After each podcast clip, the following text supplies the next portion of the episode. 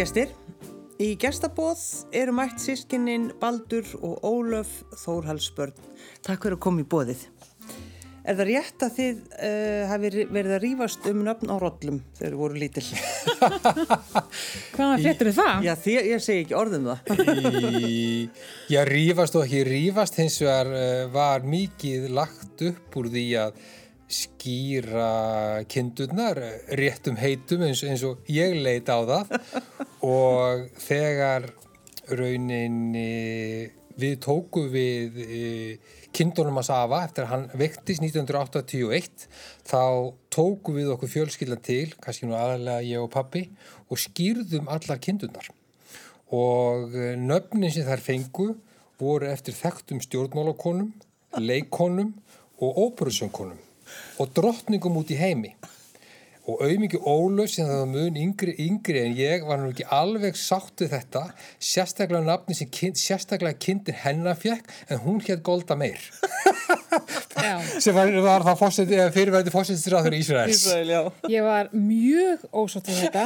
Ég, afi minn hafi gefið mér kind til að fimm ára sem ég fannst eða lamp og var hérna orðin kind og mér hafði þetta náttúrulega merkilegsta kindin í heimi. Væntanlega. og var með eitthvað nafn á henni sem ég get engan vegið munað því að pappi og Baldur ákvaði Golda Meir og ég reyfst og töðist í vikum og mánuðum og í rauninni árum saman því ég er ennþá svolítið fúlið við þessu. en, en þetta voru stórmerknu, þetta var náttúrulega beta, það var Elisabeth Englasdrottning, það var Magga, það var Margret Danadrottning. Og svo þarna var Guðrún Helga, Ragnhildur Helga, Salom, Salome, Sigriður Dúna, þetta voru allir helstun, allir bara stjórnmára leittógar og svo Sofía Lóren ef ég mann rétt, Guðrún og Símónar og hrúturinn var Churchill. En e, þá er náttúrulega spurningin hvar var þessi sveit þar sem þið voru að rýfast um nöfnin og rollunum? Það var á ægisíðu sem er sveitabær rétt fyrir utan hellu. Þannig að maður er að keira úr Reykjavík og rétt áður um að fer yfir brúna þá er bærin ægisíða þar á hægri hönd. Og sjáum við hann þegar við keirum með það Já, já, þetta er bara svona 100-200 metra frá þjóðveginum. Var lengi, hefur lengi verið í þjóðbraut því þarna var vaðið yfir ytri rángá þannig þetta var svona stoppi stöð meðan þangu til að brúum kom 1912 já. og svo þarna var líka lengi vestlun eða sjoppa sem fóraldrar okkar rákuðum um tíma. Já, sem setnist tíð kannast margi við hellin sem að hérna, sjoppan hétt hellirinn já. og kannast margi við að stoppa í litlu kvítu sjálfsjoppunni við þjóðvegin. Já, já, já. Og er það ekki þannig ef að fóreldra mann segja sjoppu, er það ekki eitthvað ótrúlega merkilegt? Jú, hún var opnað þetta 1984 og, hérna, og það snýrist bara allt um sjoppun eftir það. Já. Það var náttúrulega bara opið frá 8 mótnana til 11 kvöldin og hálf 12 á sumurinn. Þannig að þetta var bara lífið sko, afgriði sjoppunni. Já. Mikið fjölskyldu rekstur og svona búskapur. Þetta var náttúrulega aldrei skemmtileg samblanda að búa svona í sveit, þess að svona hálfpartin í, í þorpi því að Afi var bondi fóröldur okkar voru, voru það ekki pappi ræðvirki og mamma var í, í mjög störf áður hún stopnaði vestlunina og svo voru við rauninni bara 200, 200 metra frá þorpinu, hellu sem alltaf var að lappa yfir í þannig að þetta var svona sambland sveit, sveit þorp Já, en eh, sko er fólk hissa á því Baldur að, að, að þú ert bara sveitastrákur? Já, einhverjum... Og af hverju er það? Af hverju eru svona hýst á því? Já, ég veit, ég veit það ekki. Ég veit, ég veit ekki alveg af hverju uh, það er, en, en það virðast margir vera hissa á því og svo því ég segist verið frá Æsju þá halda allir að ég sé það frá Æsju í Reykjavík því að ég, ég býð það nú rétt hjá sko, næstu, næstu, næstu, næstu götu. Eitthvað, ég þarf eitthvað að breyta þessari áru yfir mér og og, og láta það líka ljóst fyrir að ég sé sveitastrákur Já, Já sko þegar ég er krakki að þá talar Baldur um sem þá er úlingur eða í mentaskóla drengur að hann ætla að verða bóndi eða fordlega fræðingur eða sagfræðingur það er svona í minningunni svolítið. Já, en uh, er það rétt að var hann alltaf að reyna að koma þér úr sveitinni? Mér? Já, hann fannst nú hérna, ég ætti nú ekki að endilega verið í sveitinni og hann hafði svolítið áhyggjur Já og ég man alveg því að ég var úlningsárunum þú spyrir svona, þá man ég alveg eftir ákveðnum áhyggjum svona frá honum sko, ég, ég ættir ekkert að ná mér kannski í mannsefni úr sveitinni að ílengjast það er eitthvað það var svona vissa, vissar áhyggjur þó svo að hann hafi aldrei í rauninni skiptir neitt þannig af mér sko það er ekki þannig afskiptasemi en ég fann svona smá eða þess að ég þyrti nú að koma mér til Reykjavíkur og ég þyrti nú að, að menta mig það er svona, und, þetta var svona inn á milli línana á þess að vera sagt beint Já, sko. svona kurteis. Ég var, Já. reyna, ég var að reyna að koma til manns. Já, ég var svona, ég var afhendur doðranturinn hann að, hvað hétt hann úr háskólanum, þykka bókin, kennslu áætlunin. Kennsluskrá. Kennsluskráin. Ég fekk hann svona afhenda eitt vori þegar ég var búin að útskrifast sem student og hérna verið í eitt ár bara að gera eitthvað, vinna í pilsuvagninum á Selfossi og fara til Þýskalands og eitthvað svona, að það var svona, jæja, hér er kennsluskráin. Hann er svona íttinni þverti við eldursporðið, hérna sýstur góð, kíktu nú á þetta. Þannig upphófst útilegunar aðferðin. Já, og hvað hva fórstu að gera, Óluf? Þá fór ég að læra livjafræði. Það ákveðinu að, hérna, að gengi nú ekki bara að valsa um alla dag og hérna skellti mér í, í livjafræði í háskólunum og kláraði hana og unnið e, við það síðan í livjafyrirtækjum. Og var Baldur sáttur við þetta og fórst í lífafræðina? Já, ég veit það ekki. Ég, Já, já, hringir reglulega og uh, leita ráða. það er þetta lífjagjöf. Já, að sjálfsögðu. En, en, en eins og með þig, Baldur, að yfirleitt þegar þú ferði viðtöl, þá er það út af einhverju pólitík. Verður einhvern tímar þreyttur á pólitíkinni? Og, hafa skoð, og kannski líka þetta, hafa, hafa, alltaf, hafa alltaf þessi skoðun.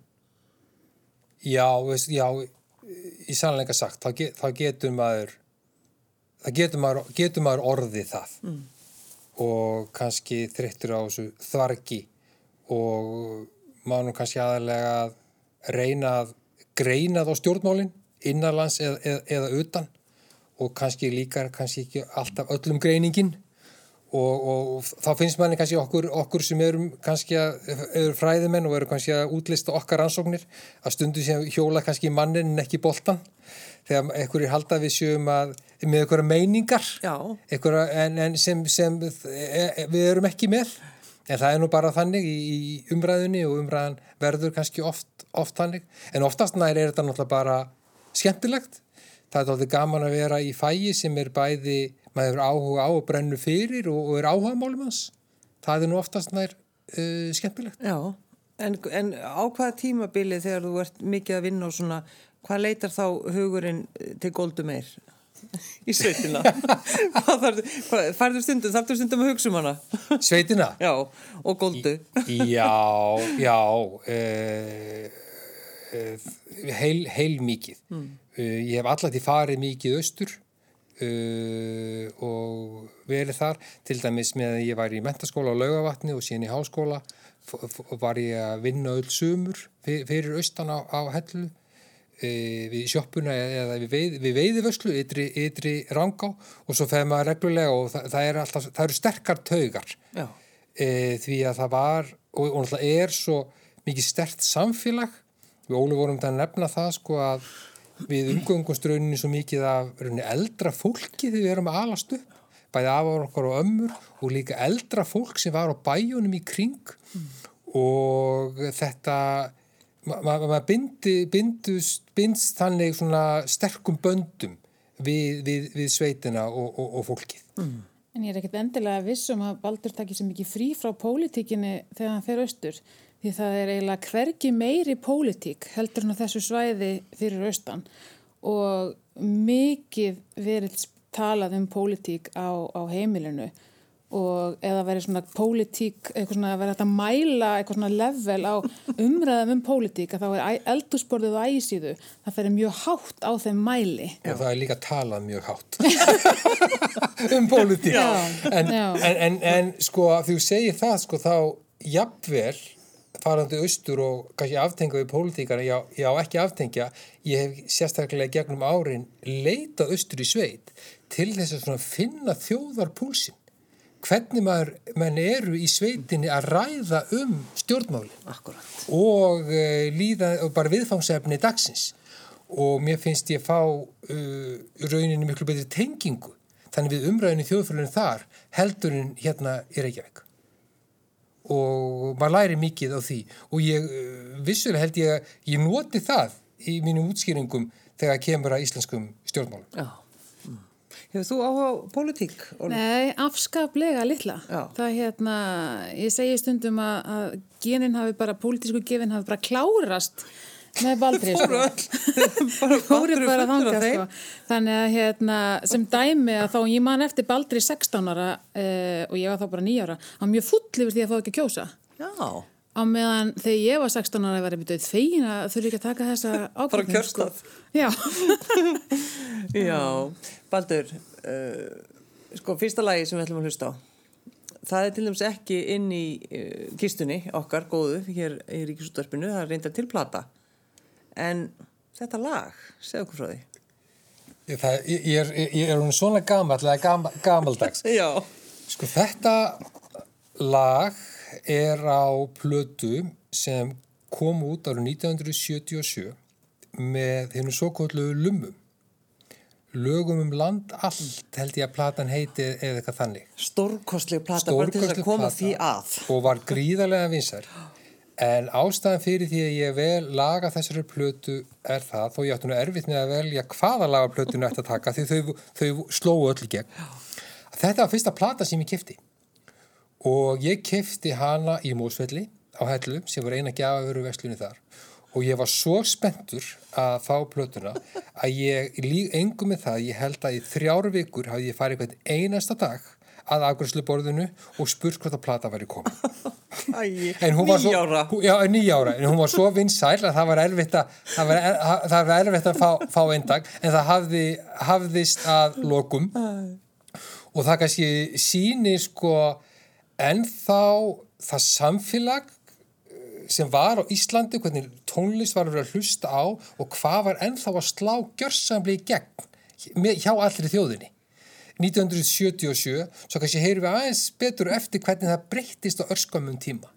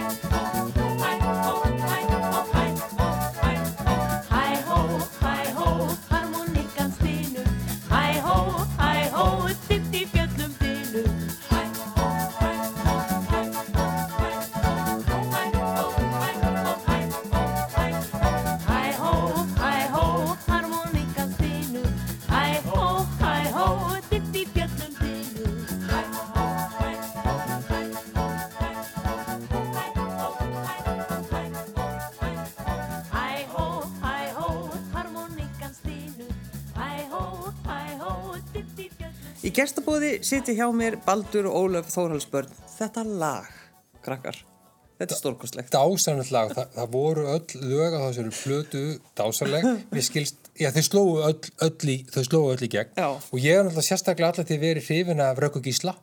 Uh, öllu því sem hún hefur verið að senda frá sér hvort sé að vera í brunaliðinu eða sé með stuðmönnum. Og svo vildi þetta svo skemmtilega til. Ég, ég kynntist henni síðan uh, þegar ég var í námi í London henni, henni og Jakobi. Og rauninni veturinn 97-98 og við Felix gerðum sko, spilafélaga Röggu Gísla og, og Dóru takið fúsa. Nó. og fórum, fórum, fórum reglulega í Fulham í söður London og spilum við það vist íslenskum hætti Ólöf, Mjög hún horfir á því núna, þessi, þessi bróður minn. Já, En mér fannst þú ekki dillaði neitt rosalega mikið eitthvað við þetta lag. Við, við hérna, Baldur vorum með aðeins hressari. já, ég er svo ung, sko. hérna. Þú er- skilur þetta bara ekki. Jú, jú, ég hlusta alveg á alla tónlist og ég er sko, þó finnst ég bæði laglaus og hérna hef enga rödd, að þá syngi ég alltaf manna hæst sko ef það kemur einhver með gítar eða eitthvað álíka sko. Já. Þannig að, að þetta er allt, allt í góðu sko. Þið talið um það að hversu mikilvægt það er að fyrir börn að umgangast fullorði fólk og þið einmitt þetta að alast upp hjá ykkur ömmu. Það hefur þetta gert ykkur að bara því fólki sem þið eru í dag? Já, öruglega hluta til og hérna, og það að, sem sagt, að það var tala við mann eins og maður væri bara fullorðin einstaklingur og þegar maður kom á, á bæina hérna í kring, e, Bjarg til dæmi sem var svona nágranna bæra sem bygguðu þrjú e, eldri sískinni, að það var engin munur á hvernig maður tekið það móti, að ég upplýði það mér sem dæmi eða einhverjum fullorðnum.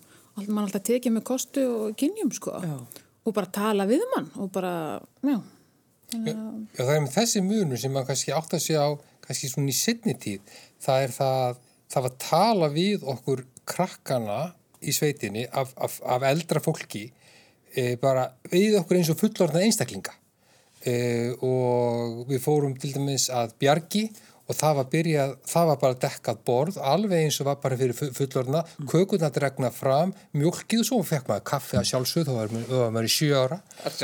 Baldur byrjaði sko að drekka kaffi fjögur ára.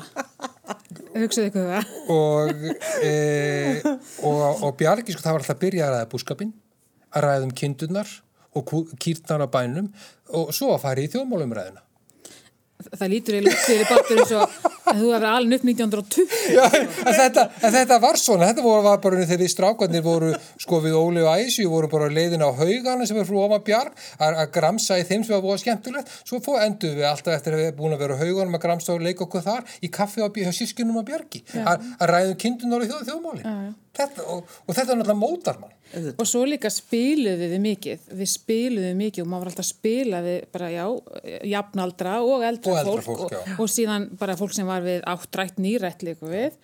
Og alltaf, mikil pólitísk umráða og, og hérna og kostningasjónvarpið, maður fekk alltaf að vaka, það var ekkert sjálfsagara en að maður fengi að vaka bara fram á morgun eða var eitthvað þannig í gangi ekkert vera spöklir í öðru. Og svo þegar sjoppan eru opnuð þá bara byrja maður að vinna þar. Ég byrja nýjára að vinna þar.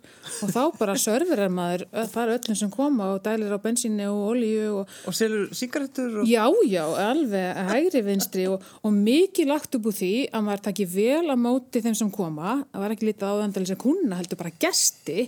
Og maður átt að tala, segja góðan, bjóða góðan daginn og bjóða fólk velkomið og tala við fólk Það var alltaf mikil umræð og ég var svona, ég var nú eiginlega aldrei skömmuð því að ég var yngri, en ef það var eitthvað að vera nýtt í mann, já, þú talaður ekki við hann, og þetta tala við fólk og spurja fólk um alls konar. Og þannig að maður bara allir ára að eitthvað bara, já, já, hvernig gengur nú, eitthvað, þú veist. það bara tala við fólk, það var aðal, aðalmálið, sko. Tala við fólk. Já, Já, það er þessi hefð sko, sem, sem, sem var hér í sveitinni áður fyrir, ekki, við, erum ekki svo gömul sko, Nei. en að hann er voða gammalt, sko. að e, sko allar kynnslóðunar eru rauninni bara í sama rýminu að tala saman á sömu fossendum og uh, það var ekki verið að tukta mann til að segja manni til frekar en bara öðrum fullor, eða fullornum var sagt til nei, nei. þannig að e, það var okkur var gefið kaffi eins og hennu fullorðnu. Það var spilað við okkur eins og hennu fullorðna. Fyrst er náttúrulega bara spil kannski meira hænta börnum en ég er 12 ára því ég byrja að spila sprits við afa. Skilur það, það er bara, og maður er bara, bara með í öllu þessu umhverfi og þessu lífi. Og það er ekki beint verið að ala mann upp, það er ekki verið að segja mann eitthvað svona þá að gera A, B og C, aldrei nokkuð tíman. Heldur maður að skinja það bara gegnum samskiptin, hvernig maður haga sér, hvað maður gerir og til hvers er ætlast.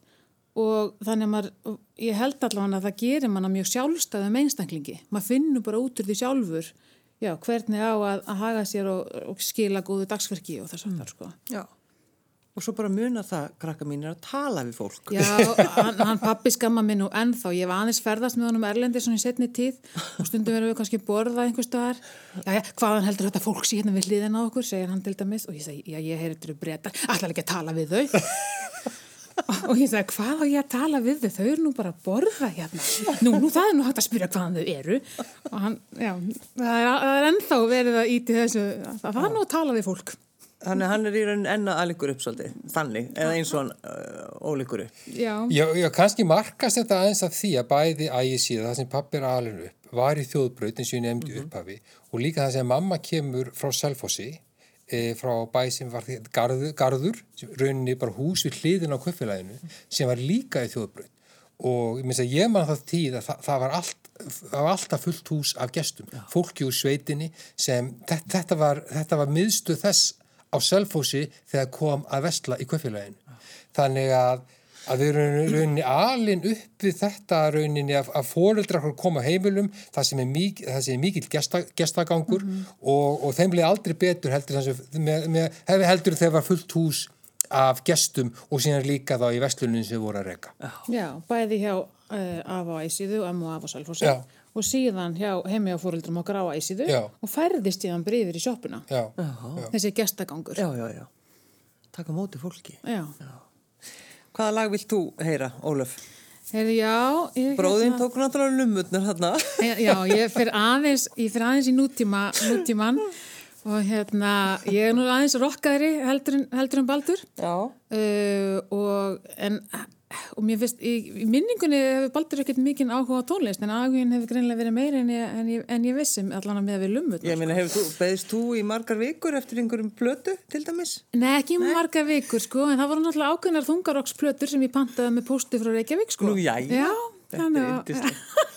Eh, en ég ákvað samt að velja íslenskt, íslenskt efni því að hérna, árið sem ég fermdist þá langaði mig alveg afskaplega mikið að fá græjur í fermingagjöf en ég var frekar hóvar eh, held ég framallega hana og ég þorði ekkert að, vildi ekkert að byggja um það. Vissi svo sem að fóreldri mín ætlaði að gefa mig skrifbórð, fermingaskrifbórð því að Baldur hefði fengið fermingaskrifbórð og ég myndi líka fá fermingaskrifbórð en svona, vini mínir margir voru að fá græjur og mér langaði voða mikið í græjur.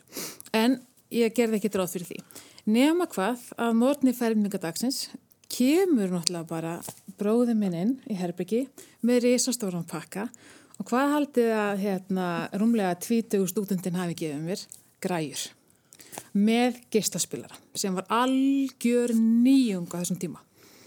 Og fyrsti ísl- íslenski diskurinn sem að e, ég fekk frá honum líka aðgjöf var nýdansk fyrsta platan frá þeim. Þannig ég valdi hérna lag af þeirri plötu og, og svona lag sem að ég ennþá gríp í í að, að syngja eða stinga upp á þessi sungið ef ég lendi í góðu gítarpartíi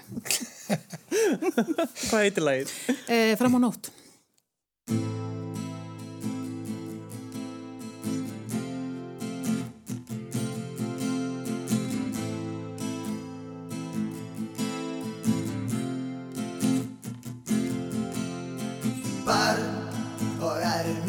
minna þroskaðir menn. Fór að gramsi mínum enga málum þegar ég var óharnaður enn. Og átti erfitt með að millað málum. Varst að ganga rekin í kú Til þess að verði fyrir öðgasti mannana. Þó að þú lítir alls ekki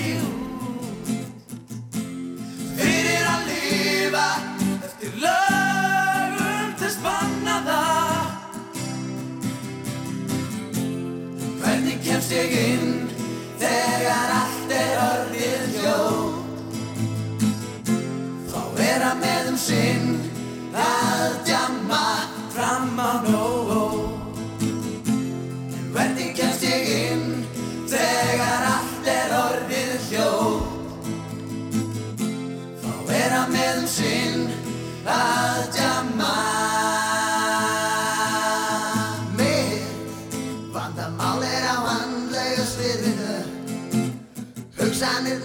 heimskar sem gínur á hústökum Þú ættir að sjá í andlu til á leiðina Er það sér úr þessu vandræði við baka. Varst að ganga rekin í kút Til þess að verði fyrir aðkasti mannana Þó að þú lítir alls ekki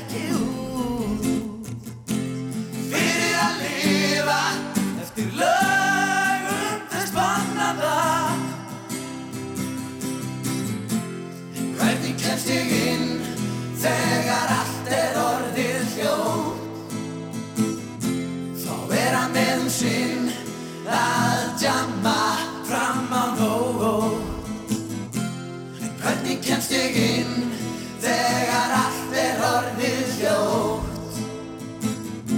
Þá vera með um sinn að djamma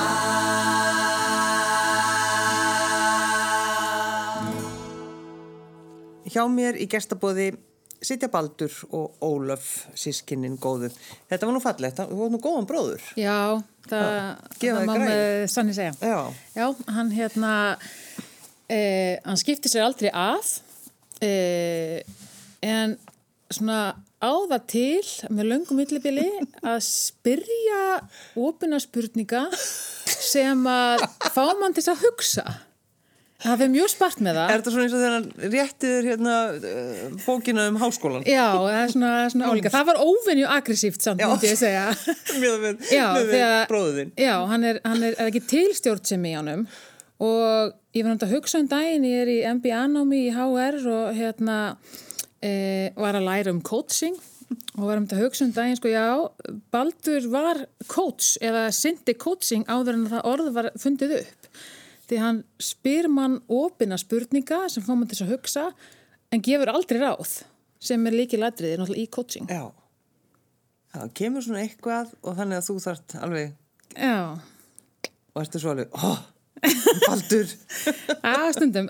Stundum væri þetta að, hérna, hann veit nú margt og, og mikið og hefur reyndi ímislegt að stundum mætti hann alveg vera meira afskiptasamur sko og, stundum að maður spurja hann út í eitthvað að það kannski er hann ekkert að svara hann vil bara að maður finna þetta út sjálfur sko. Já, já, þannig að þá kannski verður já, þú vilt fá svar. Já. En af hverju, uh, Baldur, af hverju vilt ekki svarin, sýstu þinni? Ég hef nú bara aldrei heyrt þessa greiningu fyrir. Ég, ég stendur bara hérna á gati. Við sjáum það. Uh,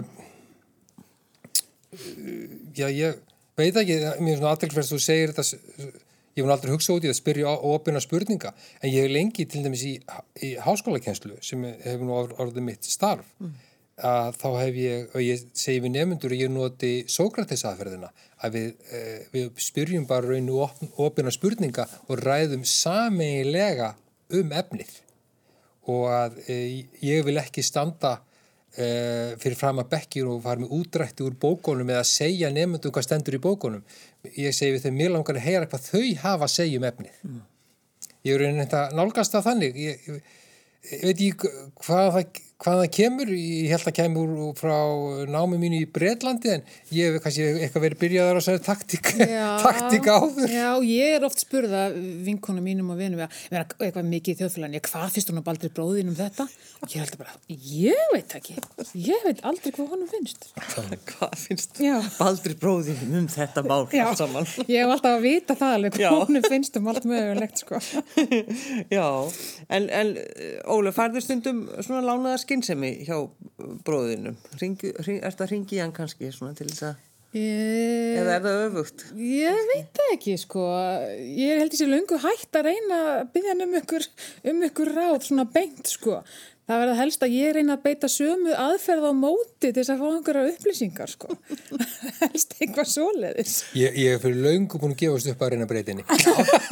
Já. Úr þessu, þetta, það þýðir ekkert. Ég man, ég man samt eftir einu þegar ég var 15 ára gömul að þá var ég nú alveg komið með nóg að ég að vinna í þess að sjoppu alla daga og, og tilkynni fóruldri mínum það hann í mars við eldursporðið að ég ætla að fara til Vestmanna að vinna í fiski um sumarið. Og þau bara byttum við hva, og, og hvað ætla þú að vinna? Já, ég ætla að vinna í ræðfristustöðun, ég kom með vinnu. Og, og hvað ætla þú að búa? Ég útskýri það og að redda mér húsnaði. og það upp var svona pínur reykistefnu þetta að 15 ára barni væri að fara til Vestmanæja í heilt sumar að vinna í fiski og var aldrei eins og komin til Vestmanæja. Við heldum bara hún væri reyna að komast á þjóðatíð. Já.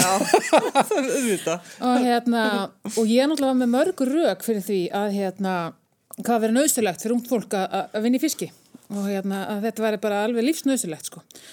Og þá sagði Baldur að ég þarf ekkit að prófa að vinna í fiski til þess að vita að það er ekki skemmtilegt.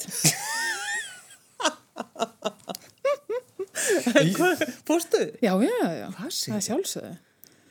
Fekk að leia þarna herbyggi hjá bróður vinkonu minnar. Ég meina Hann- 15 ára. Já, já, ég var að klára grunnskólan og fór hann um, um sömari.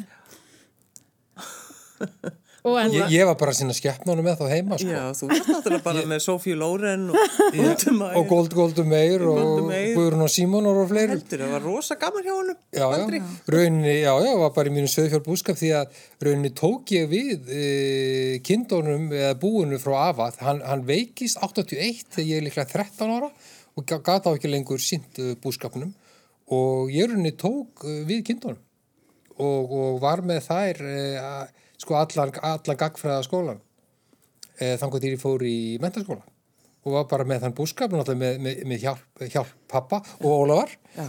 en eh, þetta bara raunni var mitt uh, áhuga mál. Og eh, já, ma maður stimplaði sér nú þá nú sem kannski sem kalla þá antisportista. Það var þannig sko því ég, ég var bara hugsa um kindurnar. Já, já. en það var bara mitt bara, það var bara mín, mín bara köllun þá að, að, að, að- sinna skeppnunum og, og, já, og öllu því sem þurfti að gera hvað það er verða Já, en ertu, eh, sko, einstinni, ertu eitthvað hissa á því að fólk skulle svona segja, hvað ertu að segja, ertu, er- ertu sveitastrákur, því að maður einhvern veginn sér þig sitjandi bara, ég ætla að segja það, bara við, á kaffihúsinu, nema þú reyndar ferð aldrei á kaffihúsi eða hvað, nei, já. með trefil og kaffi, Já, já, já, já heima. kannski vegna þess að maður er náttúrulega bara að tala um þjóðfélagsmál eða, eða, eða stjórnmál alltaf og, og já, ég hef ekkert mikið verið að tala um söðfjörbúskap, Nei. ekkert mikið spurður um hann. Nei, við, við skulum breyta þessu núna. en það er líka sko ástæðan fyrir því að ég baði ykkur að koma, Baldur Ólöf, það er þetta að fá að vita um þessa, þessa hella, þessa manngerðu hella sem eru við bæjarhólinn á ægisíðu. Mm Hva, hvað er þetta eiginlega? Já, það eru nefnilega, það eru um 200 manngerðir móbökshellar á svæðinu fa- milli hveragerðis og víkur. Og langklestir þessar hella eru milli þjósár og ytri rángar og á ægisíðu eru 12 þessara hella og 10 raunin af þeim bara í og við bæjarhólinn. Þessi hellar, e, það, hér í gamla daga, þá vissu allir af þessum hellum og fram á rauninni byrju nýjunda ára þú síðustu aldar voru þeir til dæmis í öllum vega handbókum og þeir voru mjög vinsæli ferðamannastaður og ægis ég var vinsælt ferðamannastaður rauninni allt bara frá þau 1900 til og 1980 og það komu sko hverju ári sko hundruður líklega ykkur þúsundur útlendinga og íslendinga að skoða þessa hella. Og ég veit til þess að millistrís árunum ef við fyrir svo langt aftur það fóru allir skólakrakkar í, í ferð á ægisíu til að skoða hellana mm. ástæðan fyrir því var svo að þá trúðum menn eða margir á um, sem hefur verið kallað landnámi fyrir landnám um að keltar hafi byggt Ísland áður en eh, norræni menn eh, numu hér land. Sumi vil ég nú reyka þess að sögu til Einars Benediktssonar eh, skálds. Aðrir halda að það séu, séu mun eldri, bara munmæla sögur af Suðurlandi og þe- þetta, þetta trúði fólk á og, og held að papar eða írst, írski, írst, írskir aðlar hefðu gert þessa hella. Síðan e, þegar menn fara bara, e, sko svo voru allir þessi hellar fram á sjött og sjönd áratöðin til dæmis heima á æsju, allir þessi hellar voru nýttir undir hei, fyrir skeppnur, e, bara sem geimslur, fyrir kartöflur, rófur og, og sultur og saft eða íshús allir þessi hellar voru nýttir, svo fara bændur náttúrulega smá saman á 20. öldinni að geta byggt sér almennu hús. Þá hætta menn að nota þá. E, menn hætta að fara að halda þeim við það er, alltaf, að halda forskálunum við. Þeir eru ingangandir og gerður úr torfi og grjóti. Mm. ef þeim sé ekki haldið við þá rinja þeir mjög fljótt. Þannig að þetta bara gleymist. Og flestir þessi hellar eru bara hornir í dag En þeir, þeir náttúrulega eru þarna. Þeir eru þannig, já, bara hornin, þeir bara lokast, Lokast. þeir lokast af því að forskálandir eru hlaðinni með torf og grjóti og það, það lokast mjög fljótt og fyllast jafnvel á mold, mold og sandi og ef við séum ekki loka til dæmis þá er líka snjór inn í þá, svo sný, frí snjórin og hann brýtur bergi, það er mjög viðkvæmt. Þannig að við höfum verið, við Óluf og, og, og fleiri í fjölskyldunni, við höfum verið í átaki síðustliðin þrjú ár að bara e, standsetja e, og opna þessa hella e, hjá okkur sem við höfum aðgang að e, að ægisíðu, þeir eru nú í eigun okkar aðila en við erum að vinna í þessu okkur bara langa bæði að viðhalda þessum gömlu munmæla sögum um hugstælnett landnám fyrir landnám sem afi trú, trúði á og, og, og sagði allar þessar, sagði þær sögur og líka bara segja sögu uh, atvinnhátt að bænda á Suðurlandsundalundinu, hvernig þessi hella voru nýttir. Hvor kom þessu hugmynd? Uh, Baldur að koma þessu í, í, í gagni sko að byrja þarna 2016 að hérna þá var það Baldur og, og, og Margit Blöndal í rauninni ítt aðeins í Baldur varðandi þetta var að taka upp sjónvastátt á hérna N4 og Baldur sýnir henni hellana og hún verður algjörlega heitluð og, og upp frá því ef ég eh, þekki rétt til fórum við, að- að að í þessu, sko. fórum við að vinna í- Já. en það hefur verið draumum minn lengi að hérna að eh, standsetja og uh, opna þessi hella fyrir almenningi því þeir liggja víðast hvar undir skemmtum þeir skemmast ef, ef, eins og ég sagði á ef að snjóurinn í þá og snjóurinn frýs og fyllast af vatni Já, já. og mér finnst þetta rauninni bara svo merkar minjar bæði út frá þessu munmæla sögum og það sem sko ég man helst eftir hellunum er það að afi var stöðut að sína gestum og gangandi sem voru að koma að skoða hellana eh, hann var að sína hellana og hann síndi aldrei einn eða tvo hella. Hann fór með alla, á, um alla hellana tíu að bæjarhólum og, og sagði, sagði sögur og það var alveg sama hvers eh, hvað, hvaðan útlendingunni komu sem var uh, að við sína hellana. Það var bara að tala Ísland, Íslendinga við alla en þessa sögu sem hann var að segja og hann var að segja sögunum landnámi fyrir landnám Já, já. og líka hvernig voru nýttir og fariði mikið rauk fyrir þessu, þarna dæmis hellir sem heit, heitir og er kallað kirkjuhellir. Afi sagði að það heiti að vera æfa forn það er gríðilega falleg eh, kvelving í kirkjuhellurum sem líklega ber nafnið sitt af.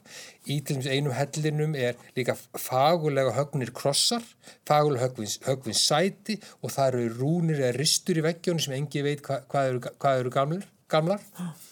Og uh, ég drakk alveg inn í þessa sögur afa og raunin bara fylgdi honum hvert, hvert fótmál. Og svo þegar hann komst ekki frá vegna annað á bænum þá fór ég náttúrulega bara um útlendingunum 5 eða 6 ára og fórum með sömu rulluna. Og svo, Á íslensku? Á í sjálfsögðu bara með íslensku. Ef útlendingunum urðu, urðu bara að skilja handapatið þeir viltu skilja allt saman. Já, og svo var bara ótrúlega mikið fólki að koma við og, og þú veist svona kannski 7-10 árum setna þegar ég er 56 ára Já.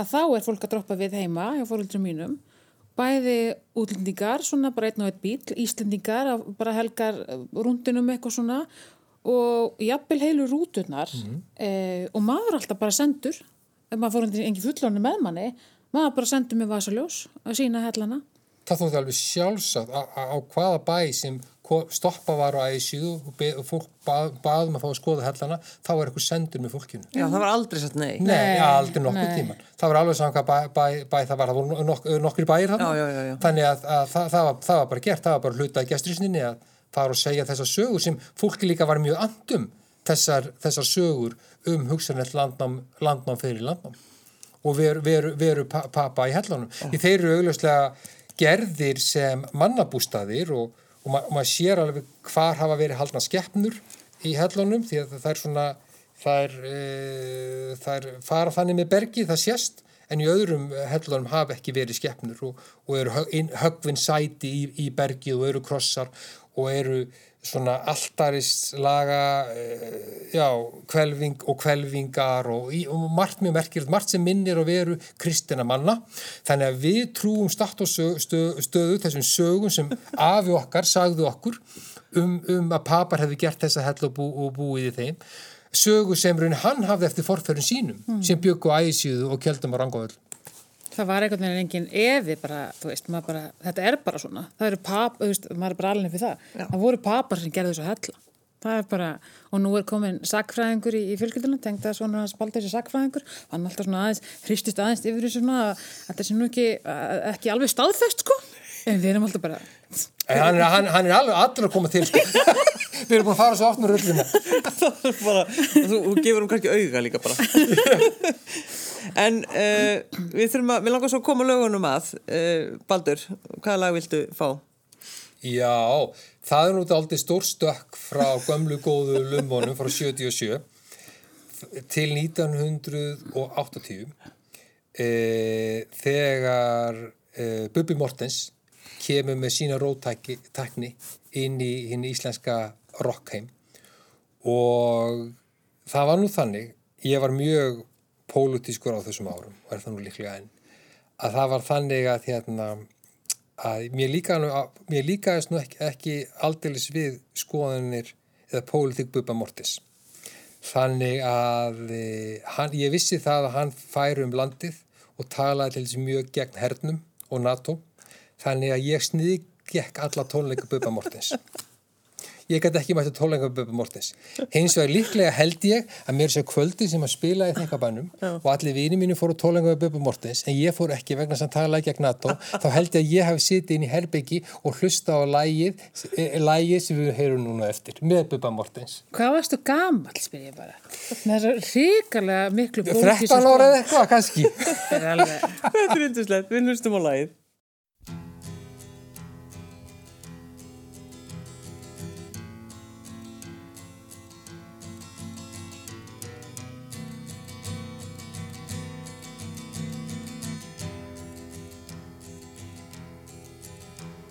Þegar ég vaknaði um morgunin er þú komst inn til mín. Hörund þitt eins og silki, andlitið eins og pústulín. Við bryggjuna bátur vaggar hljóft í nótt. Mun ég deyja, mig dreymdi dauðinn, sagði kondu fljótt, það er svo margt sem ég ætla þér að segja. Ef ég drukna, drukna í nótt, ef þeir mig finna, þú getur komið á mig sótt, þá vil ég á það minna. Stál og hnífur er merki mitt, merki farand, verka manna. Þitt var mitt og mitt var þitt meðan ég bjó á meðal manna.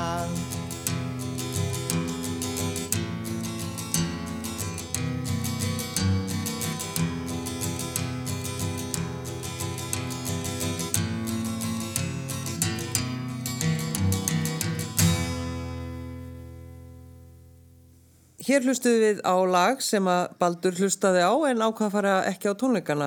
Ólöf, hvernig finnst þér bróðin hana? þetta er náttúrulega bara lýsir bara heimilis ástandinu, við segjum nú bara þessi tíma. Og það er hérna, já, það er svolítið sérstakt að alast upp við svona, já, óbúslega mikla pólitík. E, nú, auðvitað var þetta ekki þingmanna heimili eða ráþeira heimili eitthvað svoleiðis, en alveg óbúslega mikið skipst á skoðunum og hérna mjög heitar umræður sem ég sagði á hann og, og ég er svona líka bara nett, já, ekki með mjög mikið þennan pólitísk áhuga, ég held ég haf bara verið svolítið bólusett, ég, já, ég held að sé svolítið þannig. Já, já, það er svolítið þannig. En fyrir að tónleika með Bubba Mortens í dag, við skulum bara klára þetta. Já, veistu hvað, ég fann að gera það og, og, og, og, og svo vildi svo skemmtilega til að þegar ég kom til Reykjavíkur e, og, og fór að vinna við háskólan þá var það í tvo vetur þá æfði við Bubbi Mortens líkamsagt í sömu stöðinni alltaf, alltaf á mótnana við vorum hittumst alltaf á mótnana svona tvist að þrísvar í viku og við tókum alltaf tali og rætt, rættum, uh, rættum pólitíkjum, tók, tókum stöðuna. Og ég, ég vissi það svo þegar ég fóru hitti kollingamunum í háskóla þegar fannst ég komið mjög óheilbrið að skoða inn í háskólanum eftir viðræði við Bubba. Þeir vissi ekki alveg hvað þetta gera við þennan unga mann sem fær alltaf líka sræktastöðar og kemur hugmyndur frá Bubba Mortens inn í háskólan Þannig hafði, hafði það nú breyst. Já, þetta er Já. náttúrulega, þetta er náttúrulega indislegt. En að, sko, er, er það að segja það til dæmis að þið hafa verið 5-6 ára gömul að, með vasaljós að leiða túrista inn í hellana? Já, já, já, já, margóft. Við bæjarhólinn á ægisíðu sem er ykkar, ykkar Já. bær. Já, og, og segja og segja þessar sögur segja sögur um, um hellana, sína fólki risturnar og, og, og, og, og krossana Og svo var maður náttúrulega líka bara að leika sér í hellunum. Það, það var bara leiksvæði líka. Auðvitað var þetta geimsla, þetta var búr, þetta var bara svona búr heimilisins. Já. Þarna voru bara kartabluna gemdar og, og sulturnar og saftið frá mömmu og svona. Og svo var bara að vera að leika sér. Það var bara eltingaleikur og, og félaguleikur og þess aftar sko. Hvernig, hvernig er lyktin hann inni, þið farið inn í? Er það svona moldar eða hvað? Mm, Sand, móbergs, eitthvað svona... Já, Það var náttúrulega kartablu lykt svolítið lengi inn í einum hellinum. já, ég fer svona eftir því hvað, hvað er geimt þar, sko, Já. er það, já. En ofsalegt myrkur, rosalegt myrkur og maður var alltaf bara einhvað með eitthvað pínu lítið vasaljós Já. og núna út af því við erum að opna upp hellana og okkur langar svo að sína fólki hellana að þá uh, og þegar gestkomandi koma þarna þeir segja þessi allt og mikið myrkur og voru bara hrættum að fólk myndi detta og meiða sig í þessu myrkri. En við erum bara svolítið föstu því að það- að það ávera myrkur en við letum nú til leiðast og við erum búin að lýsa það svolítið upp að búið að setja sagt, lýsingu e, í hellana. Og ég tók andköf eftir að lýsingin kom upp og því ég sá hvað bergið var fallegt. Ég hef aldrei séð þetta berg. Ég hef aldrei verið bara með eitthvað eh, Litla bara lí- ljóstílu. lí- lítill vasaljós að hérna benda hing, út á söður og svo þegar búið að lýsa upp bergið og maður sér minstrið í berginu ég bara hreinlega tók andköf það er bara þannig Bróður af Artgrími sagði það, sko, að, að myrkrið í hellanum æsju væri svo mikið að draugarnir þyrði ekki einu sinni inn. Já. En, en, en Óluf var nú samt í því, ég man nú eftir því að, að, að hræða leikfélag sína frá hellu með draugasögu um, úr, úr, úr hellunum. Hún gerði svona leika því, já, Já. stelpu ángin. Já, ég var á tímanbyrleik og fannst mér alveg nóg um krakkarnir sem ég var að leika við og komið frá þorpinu að þau vildi svo mikið leika í hellunum, ég var að koma með eitthvað leiðaði og, og, og þegar svo var að þá hérna, þá sagði ég bara einhverja hræðilega sögur Já, já. því sem hefði Það sjálfsögðu. og svo vorum við á fullonars ár þegar ég var, eh, já, eitt sem spurði að einhverju sem átti að hafa gerst og, og spurði út í það nánar við komum að vera komin á þrítusaldur sko, og ég bara, já, emmitt leiðrétti ég þetta aldrei. Það var eitthvað glemt að leiðrétta þetta. Alls konar, já, fólk dáið og ymsar hamfærið þarna. Já, já, já. orðið í hellunum og díinu eh, sem er rétt hjá ymsar hamfærið orðið þessi Já, díu já, alls konar fólk sokkið og ég veit ekki hvað já, já, maður og hesti og hann sökk í díu og kom aldrei upp aftur. Það, já, það er margt, í, í, ma- margt í þessum hellum sko, en það sem okkur langar sko bæði til að gera er að sína þetta Íslendingum og útlendingum og líka höfum við verið að standa þarna fyrir viðburðum. Við vorum til dæmis með viðburð eh, fyrsta vetradag okkur langar að gera þetta árlegum, árlegum viðburði og eh, líka hafa svona jólathema. Ég, ég held að íslensku jólasveinarnir og fjölskyldur þeirra kom, byggu í hellum og þú, nú er stóra spurning hvort þið byggu kannski í hellunum á, á ægisíðu. Og, og Margaret Blöndar er um þetta að standa fyrir svona jólaævintýri fyrir, fyrir börn í, í hellunum næstkomandi laugardag og, og það, er svo, það, er svo, það er svo gaman að leika sér með þessa dulúð og þetta er rauninni myrkur sem hægt er að lýsa upp í, í, í hellunum. Ég man að hún sagði mér frá því sem að hann Baldur færi bara í stígvél og væri farin að móka út úr hellum og ég skildi ekki fyrst hvað hann var að tala um. En þá var það semst þetta að þú varst að, byrja að, á samt þérólöf að laga hellana. Já, svo hafa sumir spursku þegar ég segist, segist vera að standsetja og móka út hella á ægisíðu hvort þessu virkilega hellar við ægisíðu Reykjavík. Já, fólk skilur þetta ekki, þetta er eitthvað bara alveg ótrúlega. Þetta er svona, þetta er svona álíka eins og pappi okkar sem að heitir, eða semst við erum Þórhaldsbönn, uh, hann er alltaf kallaður ægir og alveg af og til, alla æfi hef ég fengið þessa spurningu bara svona, heyrðu Ólu, má ég spyrja þig persónlega spurningar? Já. Er hann pappiðinn ekki pappiðinn? En hann heitir semst Þórhallur ægir, þannig að það er alls konar rugglingur með þetta ægi síða Já, og, og já, já, já. ægir, þessi, þessi heiti sem við tengjumst sko. Þannig að þið eruð algjörlega, og þið og bara ykkar fjölskylda, eruð algjörlega sannfærð um papana. Já, já. Það er eiginlega engin önnur skýring á þessu. Nei og ég held bara margir sunnlendingar raunni séu, séu það Já. og, og uh, ég held að við raunni gerum raunni bara allt of lítið úr þessum bara munnmæla sögum almennt sem eru um okkar land og þjóð. Já. og eina þessu sögum er hvernig þessi hellar hafi verið nýttir, hvernig gerðu þá með þetta landnámi fyrir landnám sem hafa gengið mann fram að manni. Í, í vísindum nútímans er ekki hægt að nota þessa munnmæla sögu sem staðfestar heimildir. Og það er svo erfitt að finna sannanir fyrir veru Íra eða Papa í, í hellunum því hellanir hafi þúsund ár verið nýttir. Já. þannig að þeir eru alltaf hreinsaður út. Það er ekki að finna í hellunum. Þannig að en, en við rauninni bara sem sveita fólk og líka vísindamenn trúum á munmælasögunar e, sem forfeyður okkar hafa, hafa fa- sagt mann fram að, að manni. Og okkur langar að taka það núna lengra. Já, maður spyr sér nú, ég, nú er ég engin fræðumæður þessu sviði, en maður spyr sér sko, ef þið voru hognir út í svona setni tíð, uh, væri þá ekki eitthvað til skriflegt um það? Ef einhver hópur hefði nú allt í einu tekið upp á því að fara að búa til hella, að það væri frábær hugmynd að, búa til hella í staðan fyrir að byggja torfkofa eða eitthvað svo leiðis.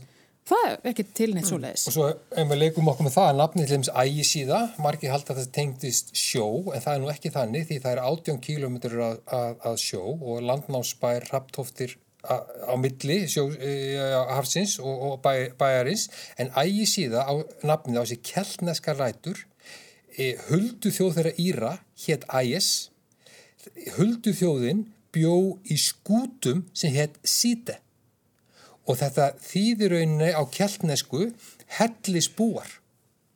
Og þá spyr maður er það tilviljun að bær sem þekktur er fyrir hella ber írst nafn sem þýðir á keltnesku hellisbúar?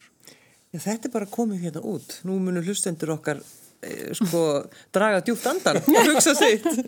Eh, Baldur og Ólaf Þórólsbjörn, það var indislegt að fá okkur uh, lokalagið. Hver er því? Já, ég fekk að ráða því. Það, hérna, uh, það er svona, þó ég sé nú ekki mjög pólitísk og er svona, ég myndi að vinstri sinnaðri heldur en 95% af stórfjölskyldunni, þá, hérna, þá fannst mér mjög snemma pólitík mannréttindabaratunar vera mjög mikilvæg og snerti mig mjög djúft og hérna á ýmsum sviðum sko. Og eh, þó að það var aldrei verið að reyna sko tilenga mann einhverja sérstaklega pólitík heima og hvorki fóreldra mín en ég, en ég er baldur. En ég man á eftir baldri með plakött í herbygginu sínu og það voru ekki rockstjörnur og ekki lummurnar. En það var hérna, það var Amnesty International plakat og það var plakat með hérna hermannunum að stökkvaði gegnum hérna výrgirðingun hjá Berlínar. Múrin. múrnum Já, sko. akkurat. og ég man eftir þegar uh, U2 kom með þetta lag sem að við ætlum að heyra núna Sunday Bloody Sunday að það snerti það mig mjög djúft og það er ennþá í miklu uppáldi hjá mér. Takk fyrir að koma í gestabóð. Takk að þér. Takk